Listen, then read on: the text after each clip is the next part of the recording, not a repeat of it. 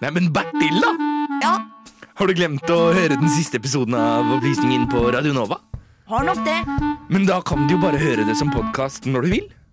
Å, det skal jeg jammen meg gjøre. Det er korrekt. Du kan høre oss på podkast når du vil. Eh, Du trenger ikke lytte på radio. Vi er også på Spotify og så videre og så videre og så videre. Emilia, på en skala fra null til uh, halv fjers, hvor oppdatert er du på Danmarks politikk? Altså kanskje en uh, halv tres. Det er kanskje litt mye, men jeg hadde veldig lyst til å si en halv tres. Det var litt mye, men det er, Ja, det var kanskje litt hardt, men uh, nok til at det er vel å snakke med en slik en riksrett mot godeste Mette Fredriksen. Er, er ikke det rett? Det kan stemme. Det er en slags sånn fallout etter den såkalte minkeskandalen, eller minkegate, som jeg liker å kalle det. Carl, hva husker du fra minkegate? Det jeg husker om Minkegate, er at de på et eller annet tidspunkt bestemte seg for eh, å slakte alle minkene i hele landet pga. noe koronafrykt, og så viste det seg at det var helt eh, feil allikevel. Og så husker jeg at det var en landbruksminister som het Jeppe Kofot, og danske aviser har en sånn greie for å ha mye ordspill og sånt i overskriftene sine.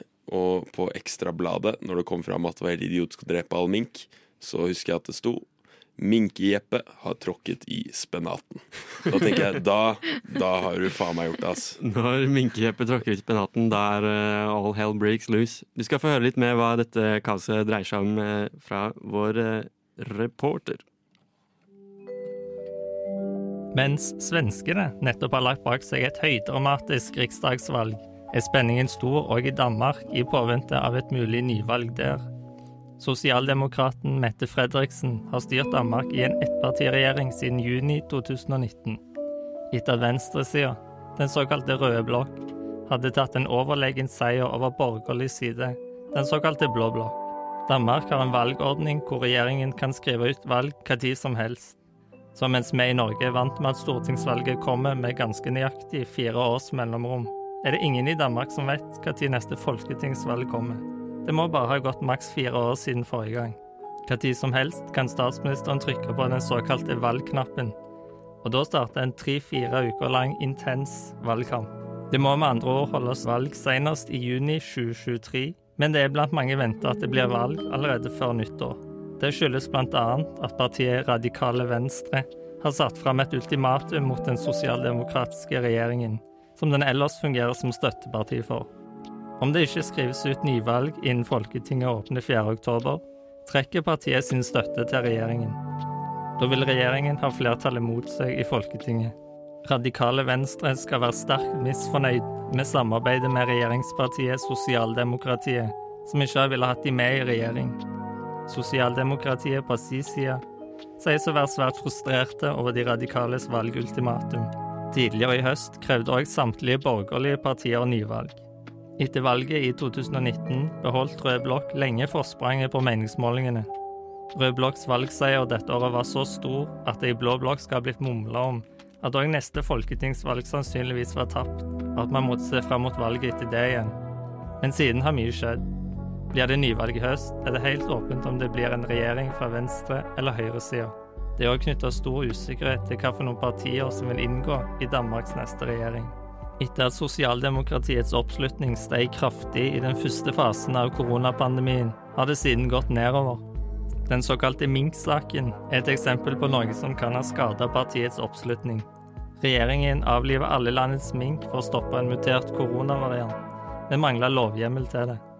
Av den såkalte Mink-kommisjonen fikk regjeringen krass kritikk. Det er jevnt på målingene, men den siste tida har borgerlig side hatt et visst forsprang. Målingene tyder på svært store velgervandringer i forhold til forrige valg. Forrige statsminister, Lars Løkke Rasmussen, har brutt ut fra sitt gamle parti, Venstre, og grunnlagt et nytt parti, Moderaterne. De gjør det allerede godt på målingene, og kan, hvis man skal tro målingene, ende opp i en vippeposisjon etter valget. De siste årtiene har det vært Venstre som har vært det førende partiet på borgerlig side. Stikker blå blokk av med valgseieren, er det imidlertid langt fra sikkert Danmark får en statsminister fra Venstre. Partiet har slitt svært tungt med oppslutningen i mange måneder. Og partiet Konservative Folkeparti, som ligger noe lenger til høyre, gjør det bedre på målingene. Men òg de konservative har hatt en nedadgående trend i det siste. Så det er helt åpent hvilket parti som blir det største på borgerlig side. Lenge var det Dansk Folkeparti som var Danmarks store innvandringskritiske parti, ytterst på høyrefløyen. Siden har de fått hard konkurranse om den tittelen, og fått oppslutningen sin kraftig redusert på målingene. I siste måling fra Danmarks Radio ligger ikke Dansk Folkeparti an til å komme inn i Folketinget i det hele tatt. Det starta ved forrige valg, da det nystifta partiet Nye Borgerlige, som profilerer seg på å være enda mer innvandringskritiske enn Dansk Folkeparti, kom inn i Folketinget. En annen som òg nok gir Dansk Folkeparti hodebry, er den tidligere justis- og innvandringsministeren Inger Støyberg. Tidligere i år ble Støyberg dømt til ubetinget fengsel i en riksrettssak for å ha gitt en ulovlig ordre i sin tid som minister. Siden har hun stifta sitt eget parti, Danmarksdemokratene, og feide nylig inn på en meningsmåling med en oppslutning rundt 10% Hvorvidt det blir nyvalg eller ikke, er det ingen som egentlig vet. Og om det blir nyvalg, så er det ingen som vet resultatet på forhånd. Likevel har vi denne deadlinen, 4. oktober. Og fram mot denne datoen kan vi trygt spå at det blir mer drama. Det er i hvert fall ingen kjedelig høst i dansk politikk. Vi følger med her i Opplysningen, og lover å oppdatere deg dersom det blåser opp til full høststorm i det danske politiske landskapet. Ja, der hørte vår reporter Alexander Klyve Gudbrandsen med denne oppdateringen fra Danmark.